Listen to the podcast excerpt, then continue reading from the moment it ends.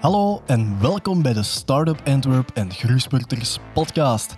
Ik ben Giel Cambré, mede-zaakvoerder van Groeispurters, een onderneming waar we mensen gelukkig maken met professioneel beeldmateriaal in de vorm van foto's, video's en podcasts. Deze podcast is ontstaan in samenwerking met Startup Antwerp, de Antwerpse community builder bij uitstek, die startups, gevestigde waarden en academische spin-offs met elkaar in contact brengt. Tijdens deze podcastreeks gaan we dan ook in gesprek met tal van starters, spin-offs en grote ondernemingsreuzen. Dus hou je eigen al maar vast, want de waardebommetjes liggen klaar voor lancering. Veel kijk en luisterplezier. Welkom bij alweer een nieuwe aflevering van de Startup Antwerp en Groeispurters podcast. We zijn aflevering 4 en vandaag gaan we het hebben over duurzaamheid. Um, duurzaamheid is een enorm buzzword, gelijk dat sommige mensen wel zeggen. Dus van, vandaag heb ik uh, twee leuke gasten bij mij die eens een keer gaan uitleggen wat dat dan nu juist betekent. Um, misschien ineens even uh, hallo. Dag, hallo. dag beiden. Goedenavond. Um, ik ga met de mevrouw aan mijn rechterkant beginnen. Kun jij zelf even uitleggen wie bent jij, wat doe jij, voor welk bedrijf werk jij? Uh, uh, ik ben Anja de Wit. Uh, ik werk voor Aquafin. En Aquafin is waarschijnlijk uh, bekend, vooral bekend van de werken in de straat. maar ja, wat wij, waarvoor wij dat eigenlijk doen, is om het afvalwater van u, van u, van iedereen, van elke Vlaming, te gaan zuiveren in onze ja, meer dan 300 zuiveringsinstallaties over heel Vlaanderen nu al. Ehm, ik werk op de communicatieafdeling, maar ik ben ook MVO-coördinator.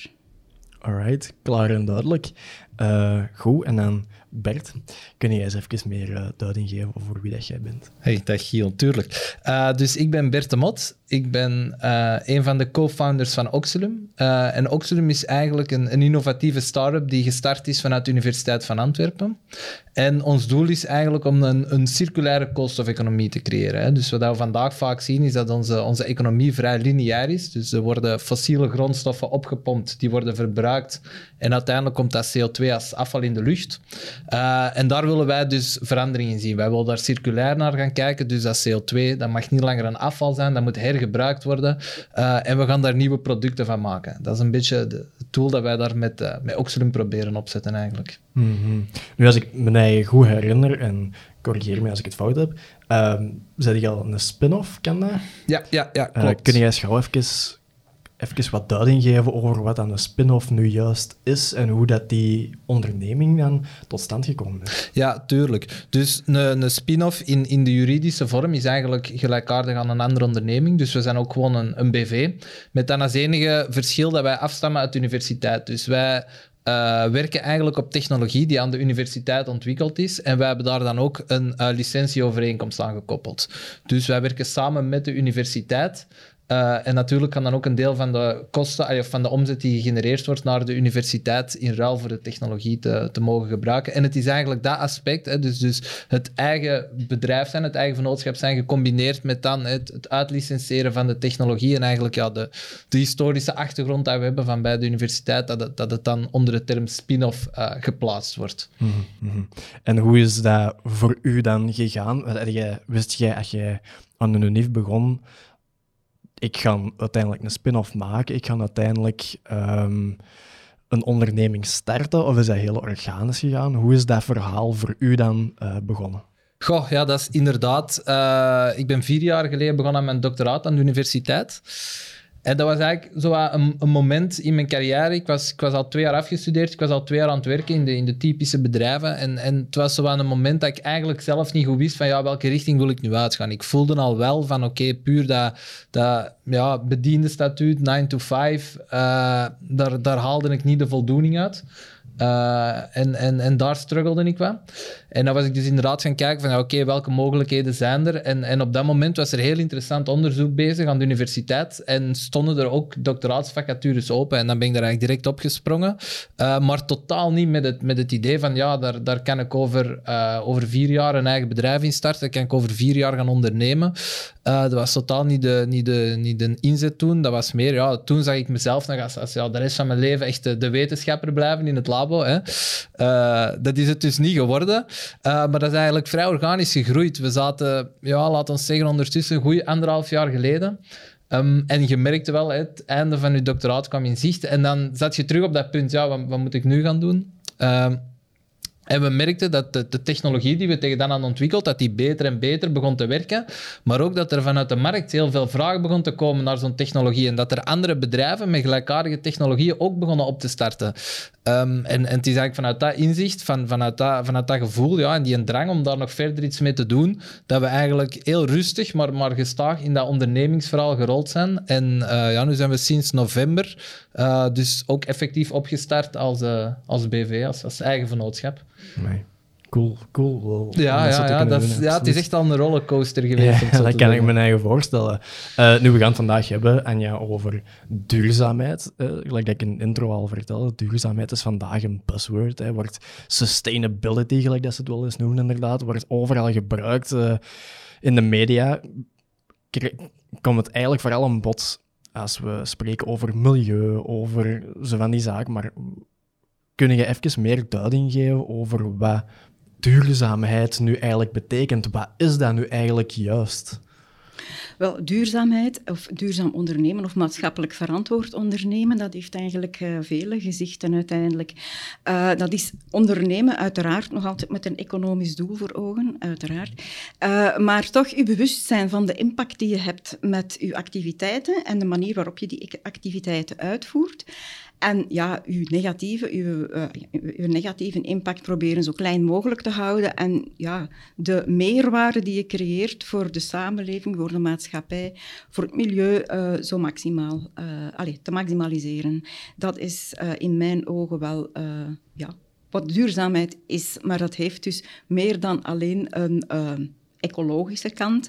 Um, het is niet voor niks dat er uh, ondertussen vijf P's zijn gedefinieerd: People, Planet, Profit, Peace en uh, Partnership. Um, en die, ja, eigenlijk zetten wij ook wel in die, op die vijf uh, P's in, dus niet alleen op ecologie. Um, maar bijvoorbeeld ja, ook op people. Hè. Dus je moet ook wel kijken. Daarnet had ik het over de werken in de straat. Uh, welke impact heeft dat op die bewoners, op mensen die daar passeren? Je moet je bewust ervan zijn dat je wel, wel wat last creëert voor die mensen uiteindelijk. En, en hoe ga je dat aanpakken? Ook als er klachten zijn, hoe, je, hoe ga je daarmee om? Intern uiteraard ook people. Hè. Um, hoe ga je met je medewerkers om? Um, met welke bedrijf, welk soort bedrijven werk je samen? Dat gaat eigenlijk heel ruim. Ja, ja, absoluut. Duurzaamheid. Misschien, uh, Bert, heb je daar een aanvulling op? Goh, ja, voor mij, als ik, als ik dan duurzaamheid in, in één zin zou moeten beschrijven, dan, dan zou het iets zijn in de zin van ja, zorgen dat je een, een businessmodel opzet, dat je een bedrijf opzet dat, dat vandaag een, een businessmodel volgt dat ook over 100 jaar nog kan bestaan. Hè? Dat, dat je echt eh, bewuste keuzes maakt die, die de, de, ja, het, het, de toekomst van uw, van uw bedrijf mogelijk maken binnen dan het, het economische, binnen het ecologische, binnen, binnen de maatschappij. Um, en ja, dat, dat kan je dan alles doortrekken hè, naar, naar personeel. Ja. Als, als je, zoals je nu bijvoorbeeld ziet in de, in de vliegtuigmaatschappij, dat door corona daar heel weinig personeel is momenteel, omdat er heel veel ontslagen zijn geweest, die nu worden uitgeknepen om dan in de zomerperiode alle vluchten te krijgen om dan in, in, in oktober er misschien weer een paar op straat te zetten, ja, dat is geen businessmodel dat, dat je 100 jaar kan doortrekken. En, en, daar moeten bedrijven zich wel bewust van zijn. En voor mij valt dat dan onder duurzaamheid in de, de grote waaier, om het zo te zeggen. Ja, ja absoluut. Nu, als start-up um, vragen ze wel eens een keer uh, typische vragen van, wat is uw uh, plan voor drie jaar? Wat is uw plan voor binnen vijf jaar? Je zegt inderdaad, je moet zien, als je duurzaam wilt ondernemen, dat je een toekomstplan hebt. Maar hoe in godsnaam moet je dat weten als je nog maar net een ondernemingsnummer gaat aanvragen zij, je start met een idee. Hoe kan de start-up toekomstgericht um, zijn onderneming starten? Hoe, is dat iets waar dat we effectief van de start aan al mee bezig moeten zijn, Anja? Of is dat iets wat op latere leeftijd van de onderneming dan eventueel nog kan bijgestuurd worden? Ik denk dat je daar zeker van bij de start mee kan en moet beginnen. Je kan absoluut ook al je antennes gebruiken uh, om, om af te tasten wat er rondom jou leeft, welke vragen er leven, daarop inspelen eventueel, uh, qua businessmodel dan. Uh, maar... Um, eender welk bedrijf, of het nu een, eh, een bedrijf is met een, ja, als, als businessmodel echt duurzaamheid of niet. Uh, ja, je kan eigenlijk al met vele dingen starten. Van bij het begin nadenken over met wie ga je in zee. Um, welk soort materialen gebruik ik? Hoe richt ik mijn kantoor in? Allee, er komt eigenlijk van bij de start al veel bij kijken. Mm. Nu Bert, uh, duurzaamheid dat is iets, iets groot, iets globaal. Iets dat, um, waar, als ik dat uitleg tegen mensen die dat net een start-up begonnen zijn, krijg ik heel vaak de reactie maar wat kan ik nu als kleine start-up van impact hebben op zo'n groot probleem als duurzaamheid? Waarom moeten start-ups daar mee bezig zijn, ondanks het feit dat ze ja, zo'n kleine impact hebben? Ja, het is, het is inderdaad zo dat, dat als klein bedrijf niet altijd de grote impact kan hebben dat, dat, dat ja, de, de grote multimiljardaire bedrijven uh, hebben. Maar dat is zeker niet erg. Eh, ik vergelijk dat altijd een beetje met, met ja, wat kan je zelf als individu doen om, om de wereld duurzamer te maken. Hè? Uh, ik kan ook een paar dagen per week geen vlees eten. Gaat dat ervoor zorgen dat er op grote schaal minder dieren geslacht worden of, of hè, minder broeikasgassen via de boerderijen uitgestoten worden? Nee, maar dat is wel een, een signaal dat je geeft voor jezelf naar de maatschappij toe, waar, waarbij dat je dan ook ja, een, een, een signaal zendt naar de rest van ja, kijk, ik doe dit en dan kan je ook mensen aanzetten om hetzelfde te doen. En bij ons gaat het natuurlijk nog verder, omdat bij ons echt wel ons businessmodel gebouwd is rond, rond het duurzame. Uh, dus rond het, het hergebruik van CO2, vooral dan richting het ecologische. Um, en, en we hopen daar wel mee dat we daar op, op termijn ook die grote bedrijven mee ingetrokken gaan krijgen en dat we op termijn wel die impact gaan kunnen genereren. Dus dat is, dat is ook naar, naar het toekomstaspect dat jij ook aanhaalde van ja, vandaag de dag gaat, gaat onze impact beperkt zijn, maar het is vooral een symbolische impact. En later, door samen te werken met die grote bedrijven, hopen we daar wel een significante impact van te maken. -hmm. Ja, absoluut. Nu, Anja, heb jij misschien concrete voorbeelden van uh, zaken die een, start-up of een bedrijf in het algemeen uh, kan toepassen om meer duurzaam te zijn als zij niet per se uh, in een duurzame sector zitten. Dus ik zou maar zeggen, is het alle twee natuurlijk in een sector waar duurzaamheid op en top is natuurlijk. Gel werkt voor duurzaamheid, dat is al een business. Maar stel bijvoorbeeld, ik en Pieter, wij zijn videografen. Wat kunnen wij als niet duurzame onderneming, als we het zo dan mogen noemen, wat kan ik concreet doen om toch duurzamer te, te zijn? Videografen, heb ik dat goed begrepen? Ja, we zijn videografen. Ja, ja, absoluut. absoluut. Oh, uh, wat kan je doen om duurzaam bezig te zijn? Ja, ik weet niet of dat jullie een, een kantoorruimte hebben. Ja, we hebben een kantoorruimte. Ja, wel, okay. kan je al veel doen naar uh, verbruik van energie en, en water natuurlijk. Mm -hmm. uh, goh, de ja, duurzame materialen aankopen, zou ik al uh, zeggen ook. Mm -hmm. goh, wat kan je nog meer doen?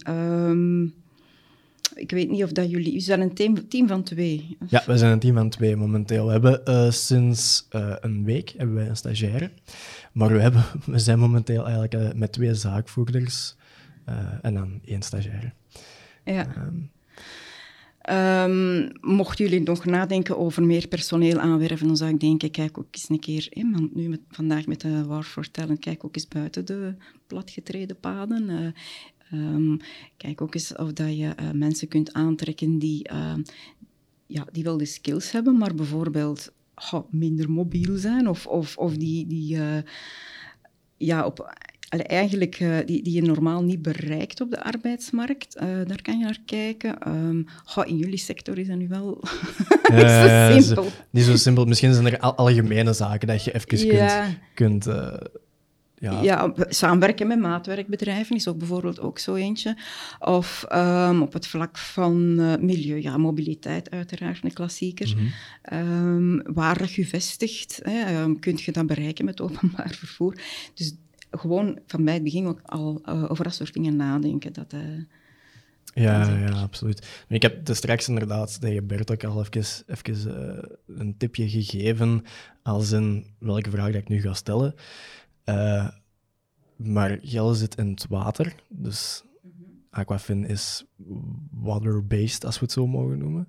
En uh, jij, Bert, jij zit vooral met koolstof en met CO2. En, en, als er vandaag de dag een start-up wilt starten in één van de twee.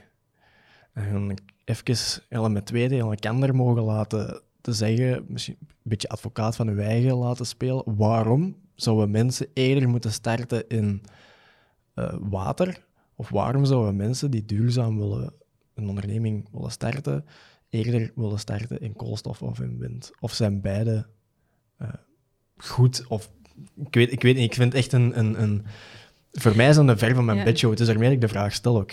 Ja, als ik het vanuit onze core business bekijk, is water natuurlijk een hot topic. Hè? Mm Te kort of te veel. Um, zeker met de klimaatverandering um, heb je vaak uh, lange periodes van droogte, uh, wat dan meteen een impact heeft door, uh, ja, ook door onze ruimtelijke ordening voor een stuk. Het feit dat we dicht op elkaar leven en wonen, met veel zijn, ook wel veel water verbruiken in landbouw en industrie. Um, dus enerzijds een, een tekort op sommige momenten, of, of toch een schaarste bijna. Uh, en anderzijds, ja, met uh, hevige regenbuien. Um, ook weer door onze ruimtelijke ordening en onze drang om het water zo snel mogelijk af te voeren, uh, ja, lokale wateroverlast vaak. Hè. Dus uh, wat wij zo ook op werken, dat zijn alleen wat dat zeker nog wel kansen liggen, is in uh, slimme sturingen van, van, van water. Hoe ga je om met hemelwater? Um, technologieën die ervoor zorgen dat je dat water ergens stockeert en op een slimme manier gaat hergebruiken voor bepaalde toepassingen. dat is zeker brandend actueel. En dan ja, verder naar water, denk ik, alle toepassingen uh, met de ontwikkeling van waterstof, denk ik dan. Mm -hmm, ja, absoluut. Ja. ja. Ja, ik kan daar zeker bij aansluiten. Ik denk als, als ondernemer kan je daar geen foute keuze maken. Hè. Binnen, binnen Vlaanderen, binnen België zitten we daar met, met twee grote problemen: water, CO2. Dus, dus als je daar als ondernemer een oplossing aan kan bieden, en als je mee in dat, in, in, in dat verhaal wilt stappen, ja, dan heb je sowieso goed gekozen. Um, en als je daar een goede oplossing hebt, dan ga je sowieso een succesvolle onderneming hebben. Um, wij hebben nu voor dat CO2-verhaal gekozen, ja, voornamelijk omdat dat historisch gegroeid is. Dat is vanuit onze achtergrond, dat kennen we. Daar hebben we onderzoek in gedaan en daar hebben we ook ja, een, een, een technologie op waar, waar, dat we, waar dat we heel veel waarde in hebben in die technologie zelf. Dus voor ons was de, de keuze vrij logisch.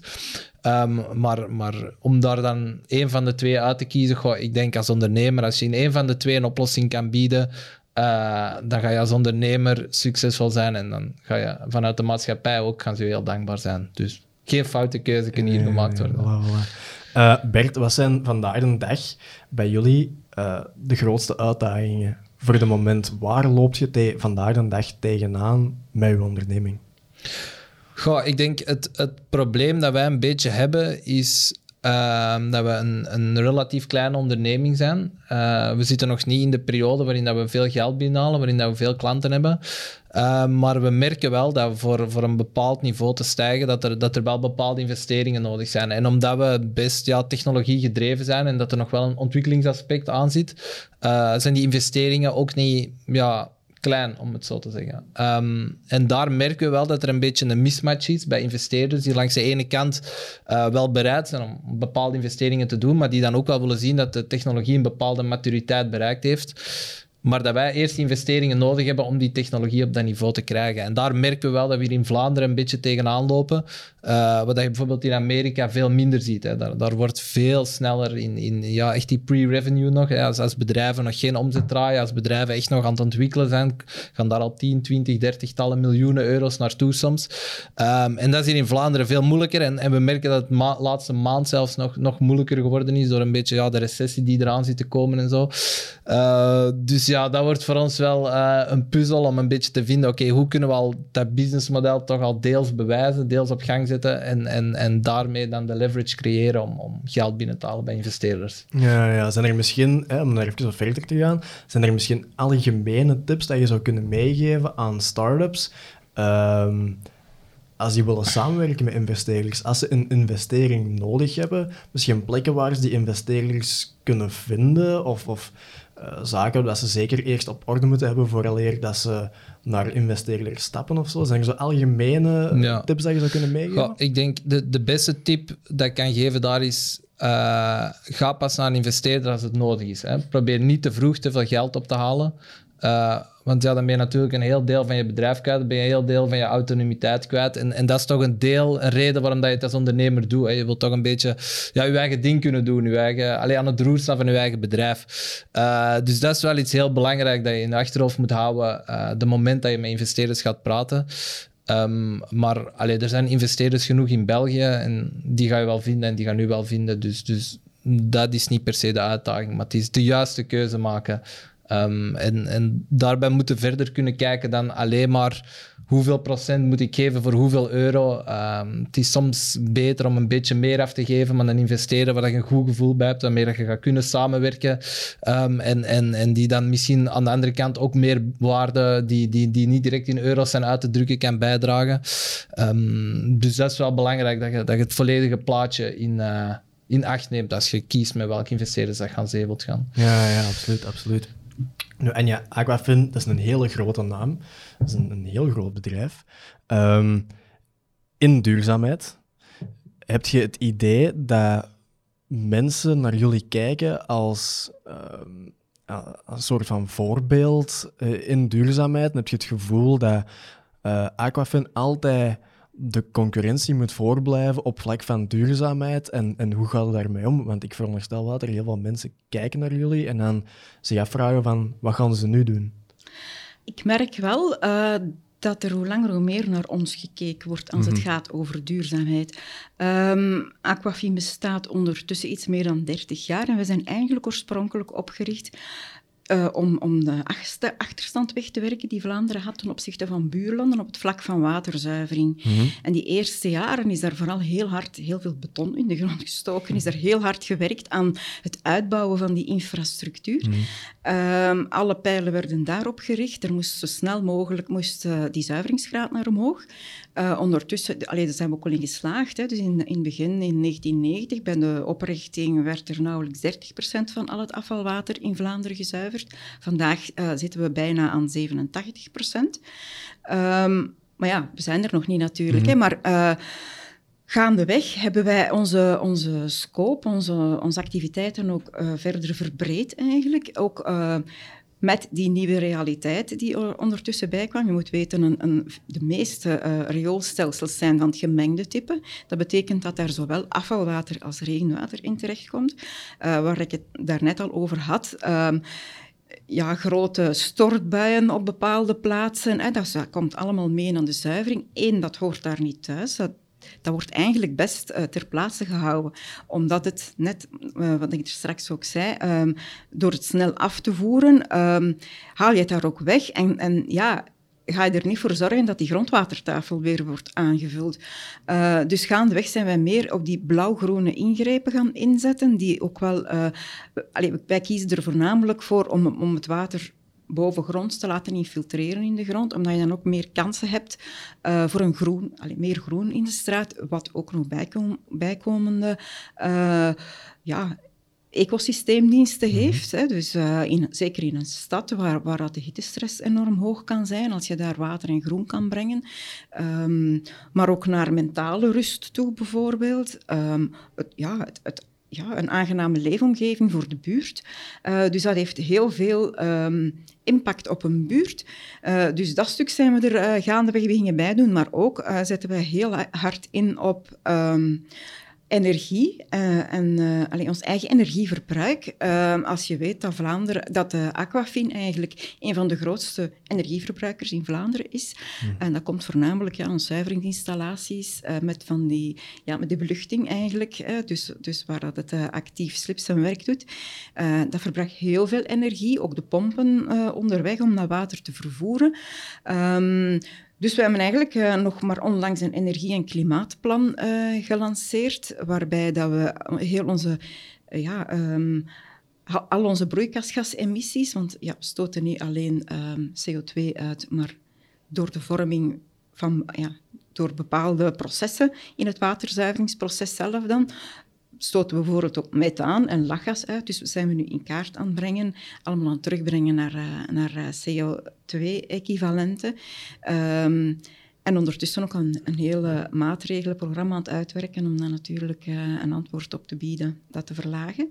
Anderzijds zetten we ook heel veel in op innovatie, ehm, het zelf produceren van energie.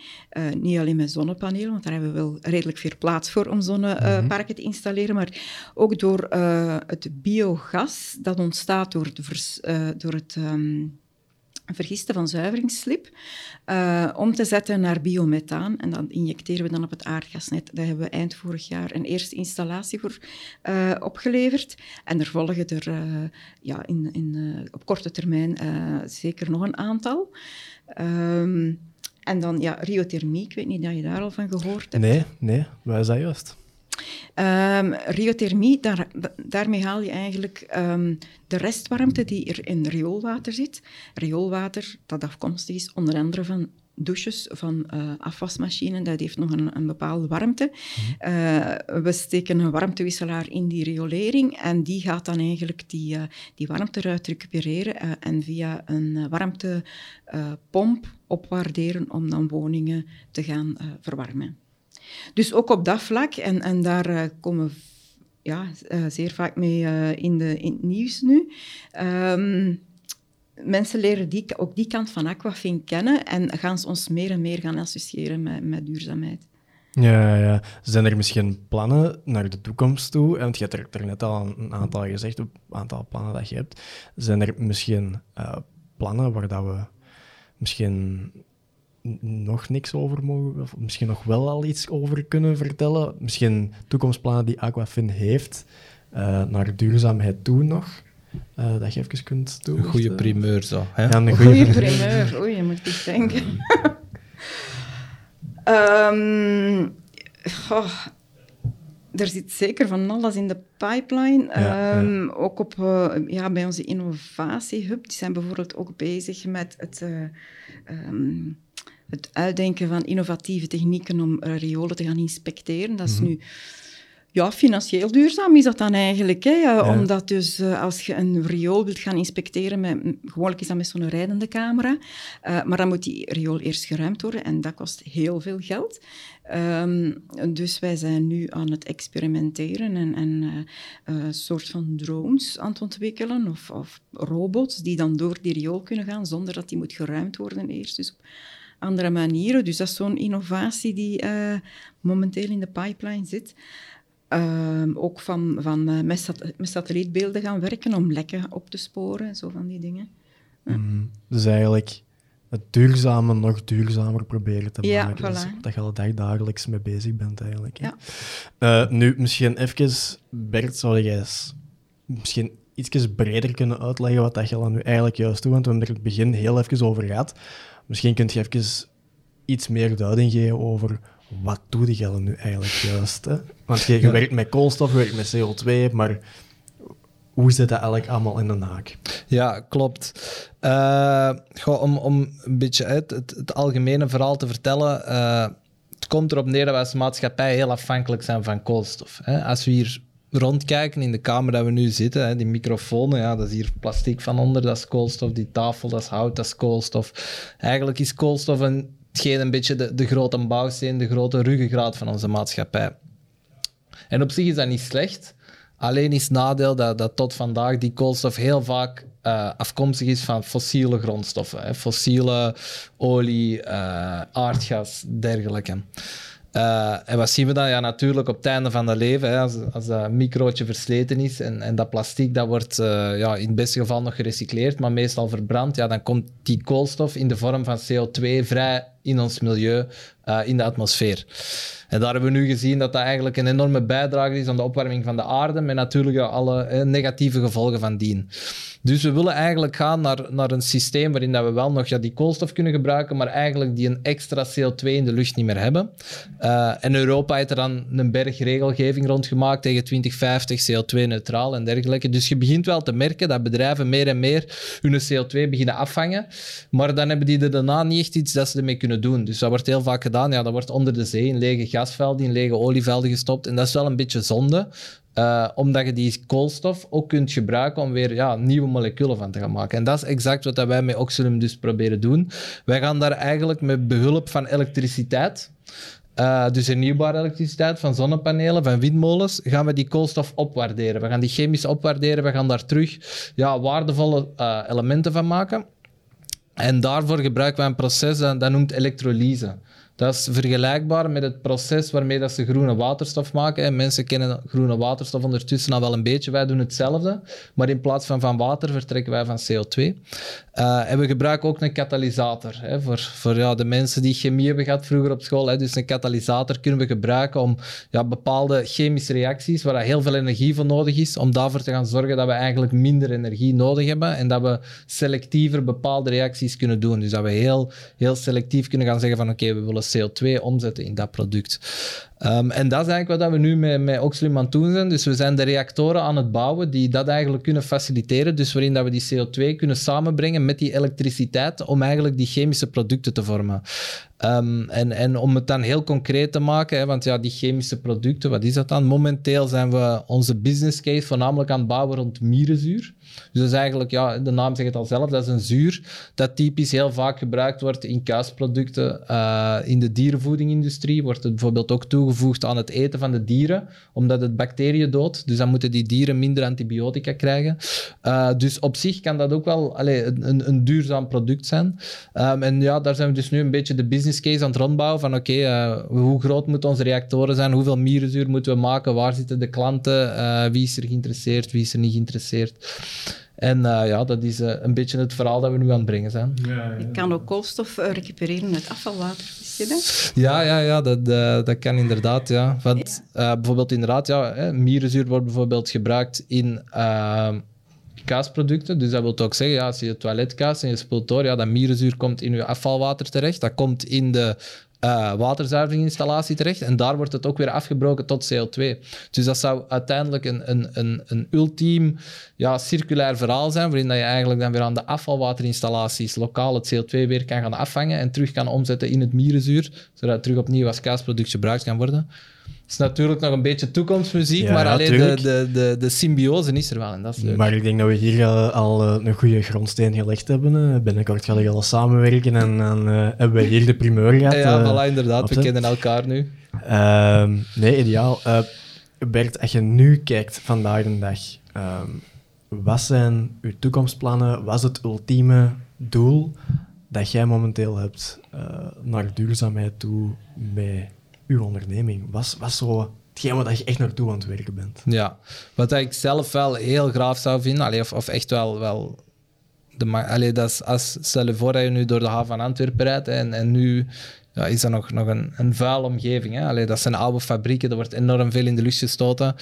Uh, en als we daar in die, in die, in die ja, nu nog vuile omgeving een, een, enorme installatie kunnen zien staan met in het groot het, het logo van Oxylum erop en, en dat er geen, geen ja, rook meer uit de schoorstenen komt en dat alles wordt omgezet, dan zou het wel echt zo'n gevoel geven van, oh ja, nu, nu hebben we het echt gedaan. Nu hebben we de, de impact gemaakt. Nu zijn we de wereld echt aan het veranderen. Dat is wel allee, zo een droom die je, ja, die je toch ergens meedraagt en waar je hmm. toch ja, hoopt van, uh, dat ooit te kunnen bereiken. Hè. Nu, Anja, van Aquafin als, als een bedrijf dat toch een serieuze impact kan hebben, denk je dat dat mogelijk is? Denk je dat de dag ooit komt dat er geen rook niet meer uit de schoorstenen komt, dat we geen schoorstenen meer nodig hebben? En hoe lang gaat dat duren volgens Moeilijke vraag, ja. ja. Alleszins is dat niet voor morgen. dat is zeker waar, ja. ja. Goh. Geen idee, ja. Daar, ga je toch nog heel veel mensen ook uh, ja, moeten overtuigen. Um, maar ja, dromen mag natuurlijk. Hè. Ja, ja, ja absoluut. Um, wat is daarvoor nodig, volgens u, Bert? Wat, wat, want die, die, die gassen natuurlijk, die, die rook dat eruit komt, dat komt van brandstof, veronderstel ik. Onder andere. Wat is er voor nodig, met de kennis dat we vandaag hebben natuurlijk, wat is er voor nodig om ervoor te zorgen dat dat er geen rook niet meer nodig is. Als in, in utopie natuurlijk, hè. maar wat, wat, moeten we daarvoor doen? Wat is er voor nodig? Ja, ik denk op zich hebben we alles. Hè. Dus de kennis is er, um, de infrastructuur begint meer en meer op punt te geraken en bij de bedrijven begint de, de, de shift ook te komen. Dus die beginnen ook wel te beseffen dat, het, dat ze niet eeuwig op aardolie en op aardgas kunnen blijven draaien. Ehm, en, en dus we merken wel dat er enorme projecten op Tiel zijn. Hè. Om maar een idee te geven, in de haven van Antwerpen, het stond twee, drie, vier weken geleden in de krant, denk ik. Uh, BASF, Air Liquide, gaan een paar miljoen ton CO2 afvangen. Ehm, dat zijn wereldprimeurs. Op, op, op, op wereldschaal zijn we daar het meespelen in de haven van Antwerpen. Dus je merkt wel dat het komt. Uh, maar wat is ja, het grootste probleem nu nog? Is dat er... Um, ja, de technologie is nog duur, dus de oplossingen zijn ook relatief duur. En, en het, het, wordt vaak ja, moeilijk om te concurreren met een product, omdat aardolie, oké, we zitten nu relatief duur, hè, maar aardolie blijft nog altijd heel goedkoop om op te pompen. Dus ik denk de, de, de grootste shift gaat daar komen als we daar zien dat er ofwel ja, taxen gelegd worden of meer taxen gelegd worden op de fossiele grondstoffen, of dat er een taxgift gedaan wordt als je met uh, ja, recycleerbare CO2-gebaseerde grondstoffen bijvoorbeeld kunt werken. Dan gaan we echt die, die, die shift die al bezig is, gaat dan nog eens in een grotere versnelling komen. Um, maar ik heb, ik, ik heb het gevoel door nu met heel veel bedrijven te praten dat er echt wel beweging in zit. Bedrijven willen meegaan, bedrijven zijn aan het investeren. Um, dus we zijn daar zeker op de goede weg, zeker. We merken dat ook. Hè. Uh, als we het dan hebben over hergebruik uh, van water en grondstoffen, uh, tot een aantal jaren terug moesten we bij wijze van spreken gaan leuren met ons effluent. Dat is gezuiverd afvalwater. We hebben dat altijd aangeprezen als een, een, een alternatieve waterbron, mits bijkomende zuivering dan weliswaar. Want ja, de, de, de kwaliteit waaraan wij het in de beek lozen is goed voor de beek, maar uh, dat kan je nu niet. Dat is zeker nog geen drinkwater, maar ook voor een aantal andere toepassingen is er nog een bijkomende zuivering nodig. Maar uiteindelijk is dat 800 miljoen kuub water per jaar dat wij zo um, ja, in, de, in de beken of in de rivieren lozen. En tot een aantal jaren terug waren er maar ja, weinig heel weinig bedrijven die uh, met ons een, een uh, overeenkomst hadden om, om, een deel van dat water af te nemen.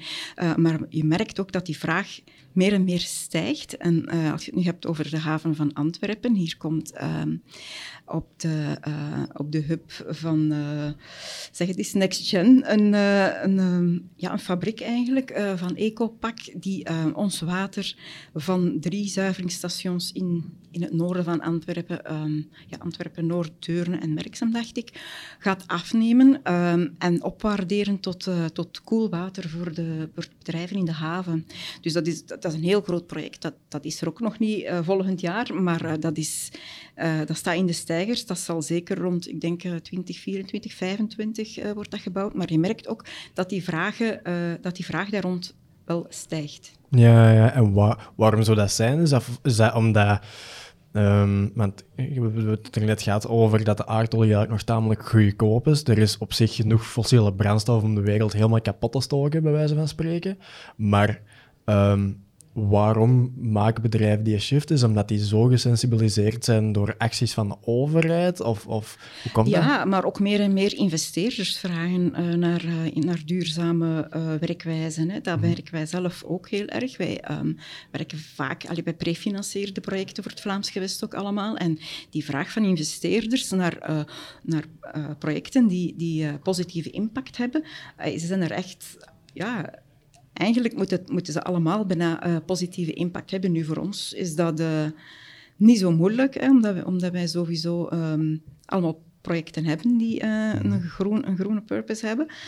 Um, maar dat is zeker één ding, maar ook uh, de maatschappij. Hè. Het, is, het is eigenlijk een, een license to operate geworden. Hè. U, duurzaam ondernemen. Um, men, men aanvaardt dat ook niet, niet meer, dat je daar niks voor doet. Dus in die zin denk ik uh, dat alle bedrijven, en ook uit persoonlijke overtuiging uh, misschien, maar uh, alles bij elkaar genomen, is dat zeker een stimulans. Ja. Mm. Nu, Bert, klopt dat als ik zeg dat duurzaam ondernemen, als je die shift moet maken, dat dat dan duurder uitdraait voor de onderneming? Niet altijd, zeker niet altijd. wat we nu bijvoorbeeld merken in, in het CO2-verhaal, omdat we daar dan wel mee bekend zijn, is dat uh, om daar een beetje een kader rond te trekken. Europa heeft een, een soort van ja, Europese uh, verdeelsleutel voor wie dat hoeveel rechten krijgt om CO2 uit te kopen. En als je als bedrijf daarover gaat, dan moet je rechten van iemand anders gaan overkopen. En daar zit de markt in dat, dat er een prijs gereguleerd wordt. En eh, Europa reguleert die markt een beetje en die zetten daar eigenlijk een incentive op dat die markt, ja, dat die prijs telkens omhoog stijgt. Hè. Dus voor bedrijven wordt het eigenlijk telkens duurder en duurder om hun CO2 nog te mogen uitstoten. Ehm, en daar merken we dan aan, aan met, met de, staat van de technologie, hoe dat die vandaag is, is het ondertussen al als je de investering kan maken, is het al goedkoper om, om eigenlijk de CO2 niet meer te gaan uitstoten, maar te gaan afvangen. Ehm, en dat merk je bijvoorbeeld ook bij elektriciteit. Hè. Als, als je vandaag de dag geld hebt om zonnepanelen te leggen, ja, doe het, want het, het, het brengt op. Het is, gewoon, het is gewoon goedkoper. Hetzelfde met windmolens. De goedkoopste manier van elektriciteit maken in de geschiedenis. We hebben nog nooit zo goedkoop elektriciteit kunnen maken als we vandaag kunnen doen met hernieuwbare energie. Er gaat natuurlijk wel ja, een investeringskost en, en ja, misschien een, een kleine ja, verandering van manier van denken mee, mee gepaard. En ik denk dat dat vooral nog, nog de, grootste, uh, de grootste bottleneck zijn, is, is ja, die investeringskost, maar ook ja, de, de, het, het, het, ja, dat, dat ze niet direct de kennis in handen hebben om, om te weten hoe of waar dat ze juist moeten zijn of, of wat dat ze nodig hebben. Dus dat zijn twee problemen, maar het, het is zeker niet dat het, zo, allee, dat het altijd duurder uit moet vallen. Er zijn echt al wel goedkopere alternatieven soms uh, die duurzamer zijn. Mm, ja, absoluut. Um, nu, puur als ondernemer, Bert, zijn er zaken, en dan neem ik het niet over duurzaamheid, zijn er zaken waar dat jij vandaag een dag uh, aan denkt, waar dat jij van denkt, potverdikke, dat is toch graag dat ik dat heb kunnen meemaken. Zaken dat je als ondernemer hebt meegemaakt, waar je van denkt, dat was cool, of dat, dat is goed dat we dat zo aangepakt hebben, uh, positieve mijlpaal, zal ik het noemen? Goh, het, hoe dat ik dat een beetje aanvoel met ondernemen, is... Um, en dat, dat, is wel leuk eigenlijk, dat is een beetje, ja...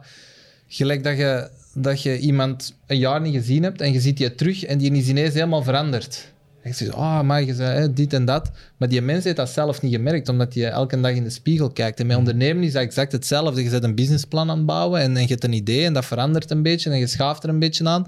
En je spreekt met mensen.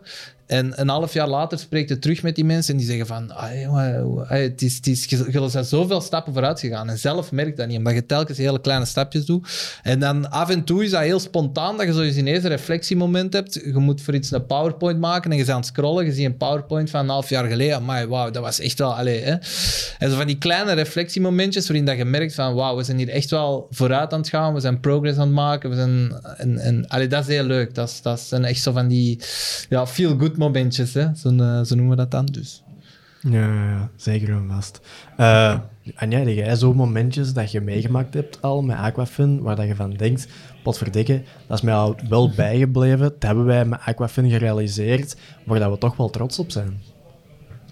Uh, ja, absoluut. Um, wij hebben gaandeweg meer die rol opgenomen, ook van... Um, ja, katalysator uh, in het duurzaam omgaan met water. Um, we hebben ook, uh, ja, wij willen eigenlijk voorbeelden uh, stellen naar gemeenten, naar, naar, ja, naar onze klanten toe, maar ook naar bewoners.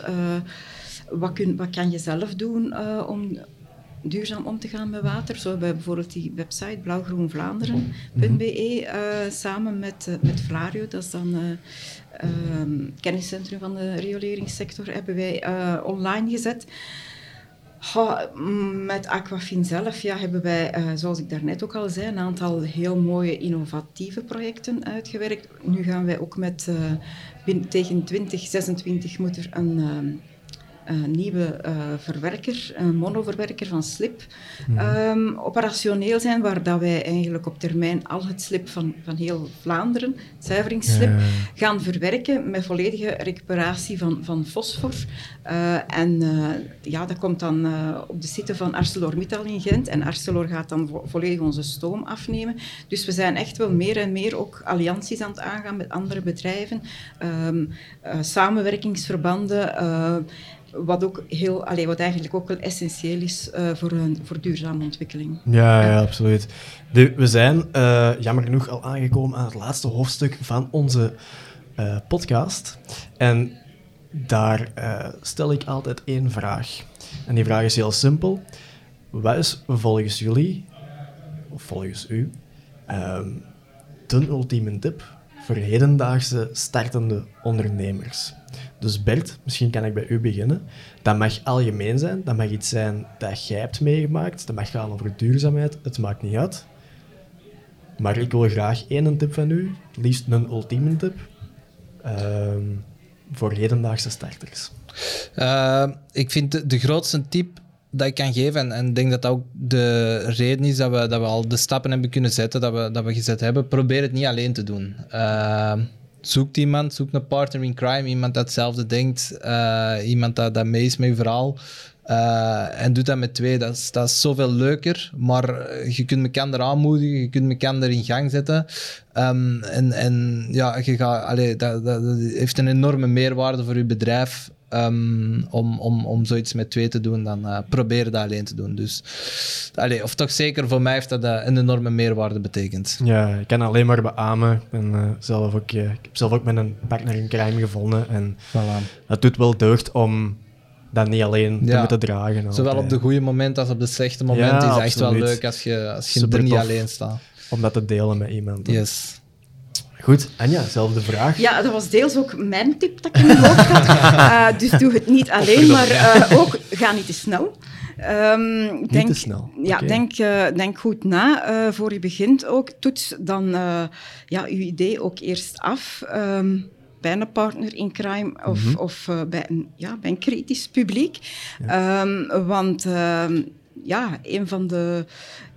Een van de, allez, de, de zaken, een van de redenen die in de top 5 staat van uh, fast failing hè, voor mm -hmm. start-ups, is eigenlijk er is geen, geen markt voor, voor je product of voor ja, je dienst. Ja. Dus zeker vergewis u ervan. Uh, maak, maak een, uh, ja, eigenlijk een, een prototype of, of een eerste ontwikkeling en gaat dat al eens eerst aftoetsen. Uh, en als je, als je zeker bent dat, dat, er, dat er markt voor is, ja. uh, ga dan pas in stapjes verder. In stapjes verder. Dus als ik dan nu zeg, is het dan volgens u beter om eerst te starten in bijberoep en dan in hoofdberoep? Of uh, zou je direct in hoofdberoep starten omdat je dan face first, ik zou maar zeggen, al hun tijd erin kunt steken? Uh, ik denk dat je er zeker veel tijd moet insteken. Uh, ik had het dan vooral bekeken vanuit een, uh, ja, een start-up met een innovatief idee. Eigenlijk. Ja, Iets wat nog niet bestaat, een idee dat je hebt. Mm -hmm. Dat je dat best eerst gaan aftoetsen. Natuurlijk, als je iets opstart wat al bewezen nut heeft op de markt, hè, maar dan moet je toch ook nog zelf nadenken van wat is dan eigenlijk, waar onderscheid ik mij in? Hè? Dus, mm -hmm. zorg ervoor dat je een sterke missie en visie hebt en dat je die ook trouw blijft. Ja, absoluut. Goed. Uh, dan wil ik jullie heel graag bedanken om naar hier te komen. Ik vond het een heel interessant gesprek. Ik heb heel veel bijgeleerd ook, want tot voor dit gesprek wist ik eigenlijk nog niet volledig wat dat duurzaamheid was. En vandaag weet ik het wel, hè, nu weet ik het wel. Uh, dus dikke merci, Anja. Merci om naar hier te graag komen. Bert, dikke merci om naar hier te ja, komen. Ja, graag gedaan en bedankt voor de uitnodiging ook. Dankjewel. Merci, heel graag gedaan. En voor de mensen thuis, tot de volgende keer.